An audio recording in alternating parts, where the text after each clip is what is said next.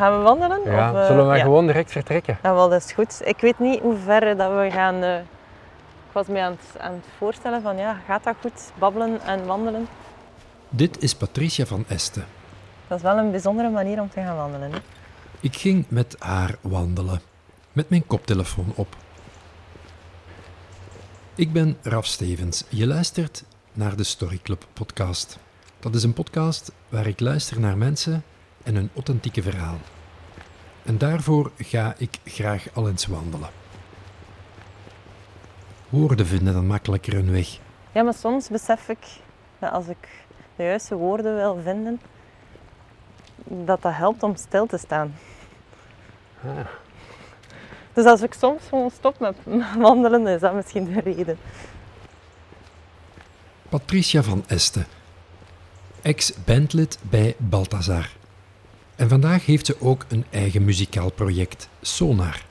Er mag gewoon niets anders zijn. Ik moest weg van alles en iedereen om mijn ei te kunnen leggen, zei ze me. Als ik hetgene wil kunnen aanraken, dat ik tot uitdrukking wil brengen, moet ik er op de eerste plaats zelf geraken. Ze trok anderhalve maand naar Zweden en Noorwegen. Compleet in afzondering in de wilde natuur. En daarvoor mag er gewoon niemand, niets, geen druk zijn, geen... Ik weet het niet, geen afleiding. Enkel ehm, mezelf, de natuur en mijn instrumenten.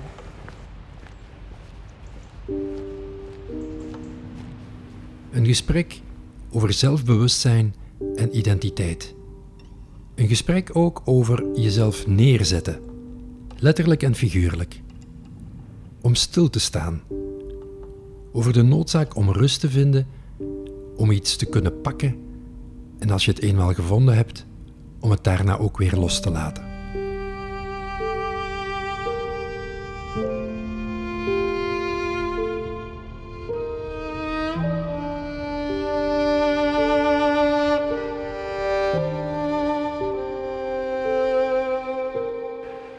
Waar zijn we hier? Goeie vraag. en nee, we zijn in de, in de Vlaamse Ardennen. En als ik het goed voor heb, eh, zitten we nu in de gemeente Rozebeke, dat deel uitmaakt van Zwalm. Maar dat is ook het nadeel van wandelen in de, in de Vlaamse Ardennen. Doordat het niet plat is, gaan we het ook wel horen aan de ademhaling. Ja, dat is waar. Het is hier al direct naar boven. Hè. Ja.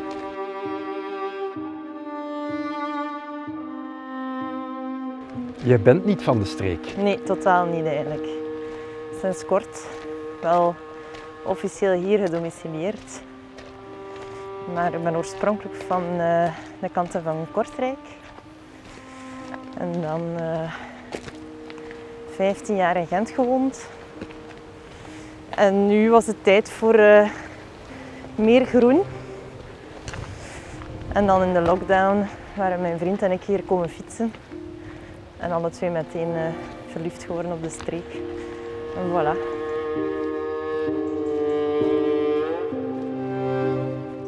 Ik was onderweg naar hier ook nog aan het denken van er is eigenlijk niet zo mooi als stilte. Ik ben deze morgen ook opgestaan. Ik was eventjes aan het twijfelen of ik de radio ging aanzetten. Dat is zo'n oude radio van mijn opa die standaard ingesteld staat op, eh, op Radio Clara. Maar ik dacht van eigenlijk, stilte. En dat is. Ja, dat is toch iets dat, waar ik meer en meer mee geconfronteerd word. Ook omdat ik eh, als programmatrice nu hoor veel naar muziek te luisteren. Dat dat soms toch iets is waar ik me moet over, allee, overzetten. Ik wel heel erg hou van, eh, van de stilte en wat dat, dat dan allemaal eh, doet opborrelen. Veel meer dan, eh, dan concrete geluiden, zoals muziek bijvoorbeeld.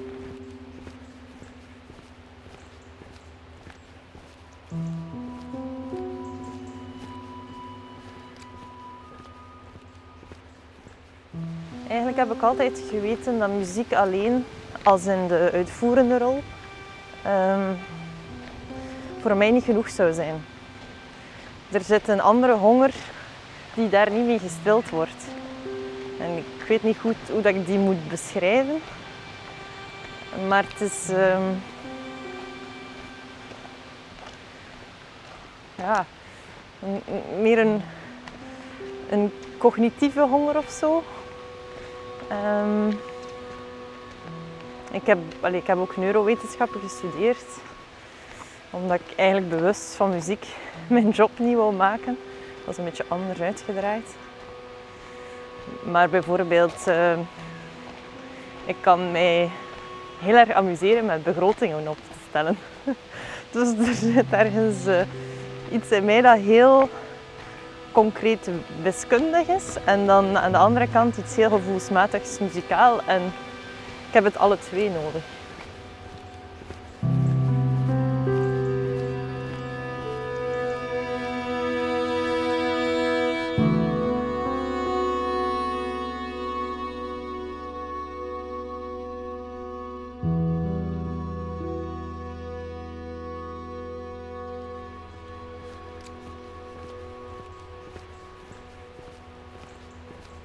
Ik ben trouwens ook een vrouw van lijstjes.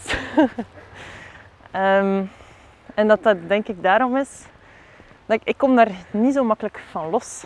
En dat is wat de natuur wel doet, is door mij af te zonderen in de natuur, is het daar niet nodig. En dan helpt mij dat om net eerder te zakken. Dat is ook de reden, denk ik, dat, dat ik anderhalve maand ben vertrokken om, om die plaat te kunnen maken. En ik voel ook dat ik nooit iemand ga zijn die zo tussen de soep en de patatten plots een nummer gaat maken. Omdat, omdat ik de natuurlijke neiging heb om heel erg in mijn hoofd te zitten. En in mijn hoofd bedoel ik ja, gewoon. ehm, dat is ook heel zelfbewust zijn.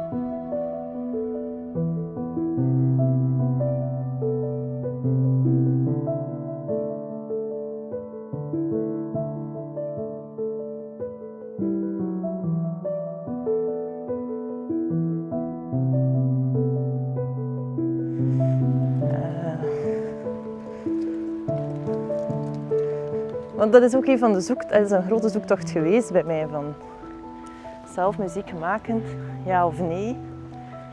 En op welke manier.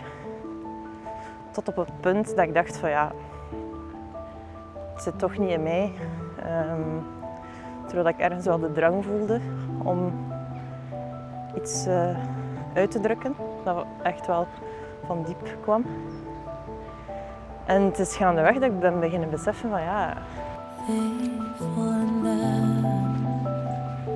ik moet daarvoor echt iets kunnen loslaten. Een soort eh, harnas.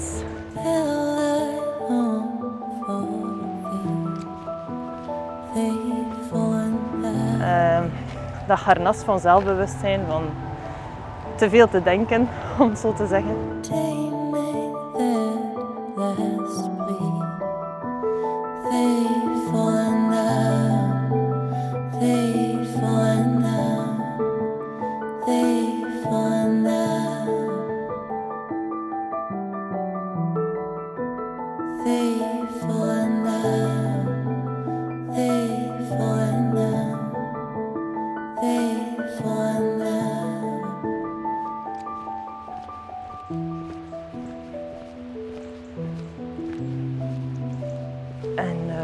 Blijft een van de mooiste ervaringen uit mijn leven, die reis. Om zoveel verschillende redenen.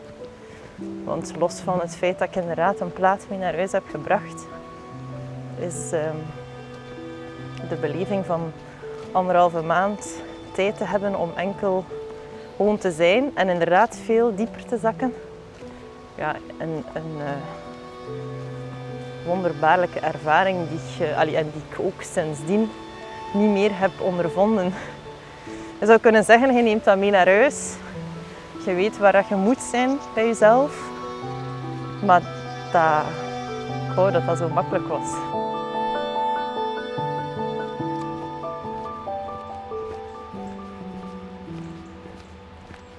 Gaan we langs hier? Dat is goed. Ah, kijk. Dus, eh, Ja, je kunt ook... stappen het, het bos in op, op zo'n houten loopbrugje. Zo, zo. Ik vond dat wel een leuke ontdekking. Ik ben hier nog maar één keer geweest. Ik ben al blij dat we nog altijd on track zijn.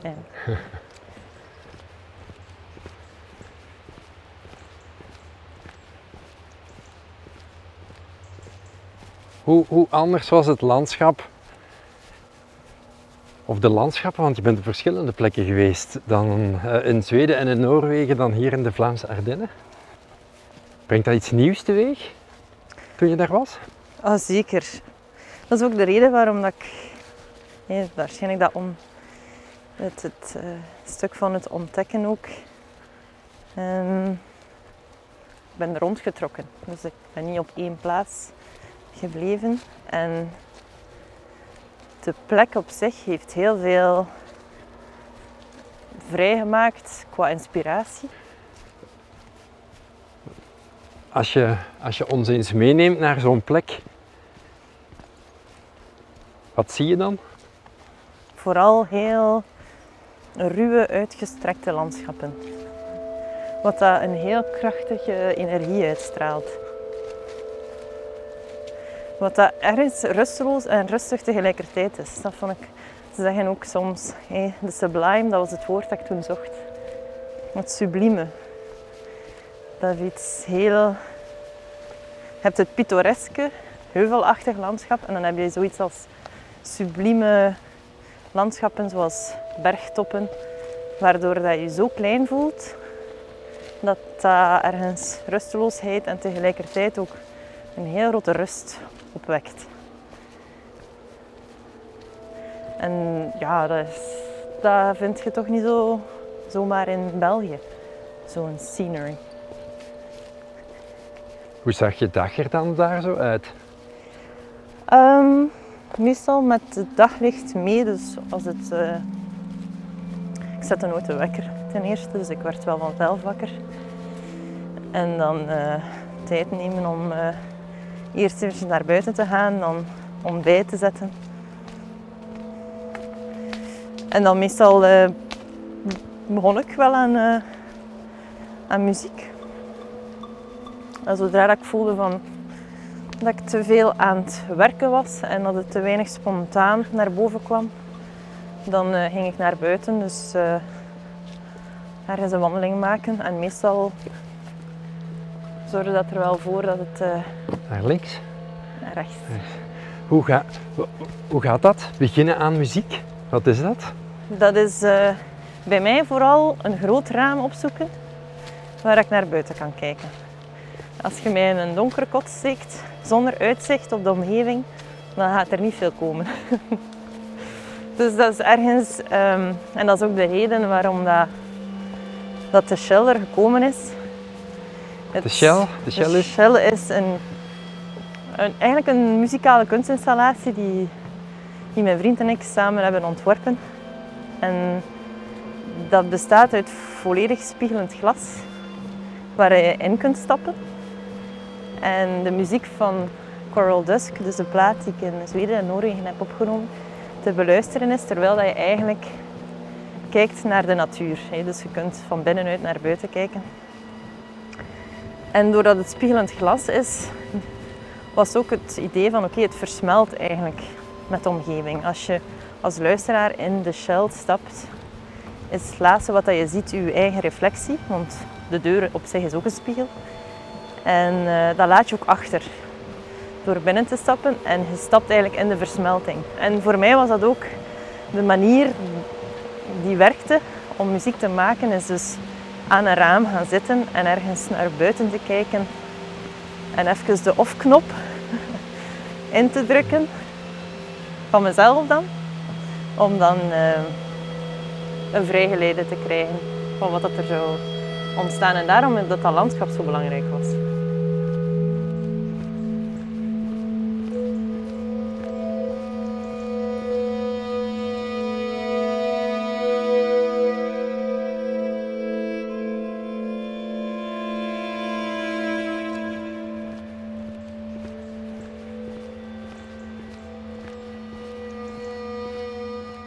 Ik naar Zweden en Noorwegen ben getrokken, was die die drang, die noodzakelijkheid was zo groot. Ik wist gewoon van ja, er, er ligt iets klaar dat er gewoon uit moet.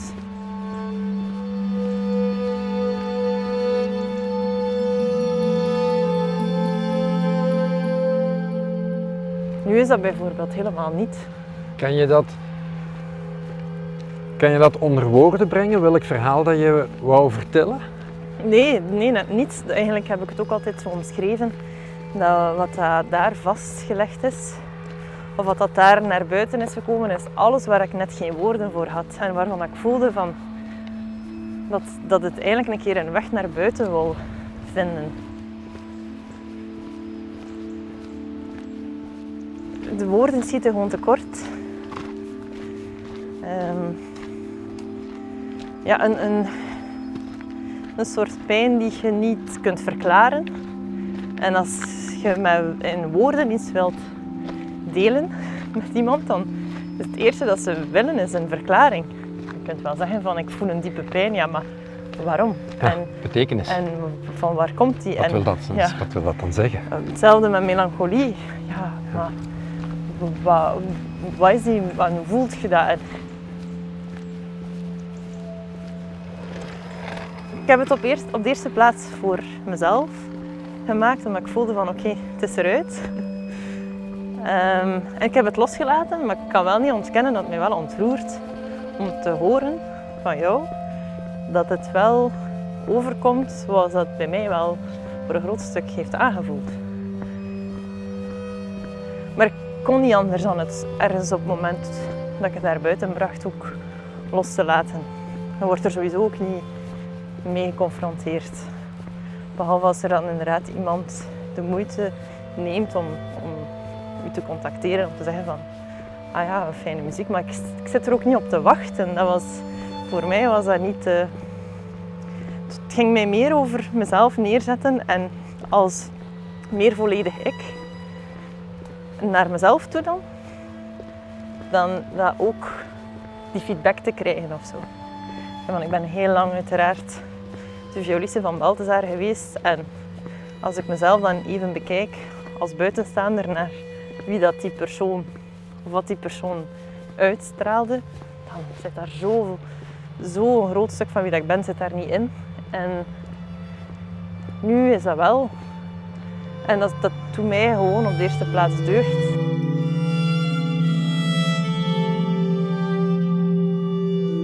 Het doet ons deugd als we onszelf zichtbaar kunnen maken en als we woorden kunnen geven aan wat diep in onszelf verborgen ligt. Dankjewel Patricia om je verhaal hier te delen. Zoek zeker Patricia en haar project Sonar maar even op. Meer dan de moeite waard. Als je mij wil vinden, ga dan naar rafstevens.be. Voor nu, dank voor het luisteren en heel graag tot een volgende.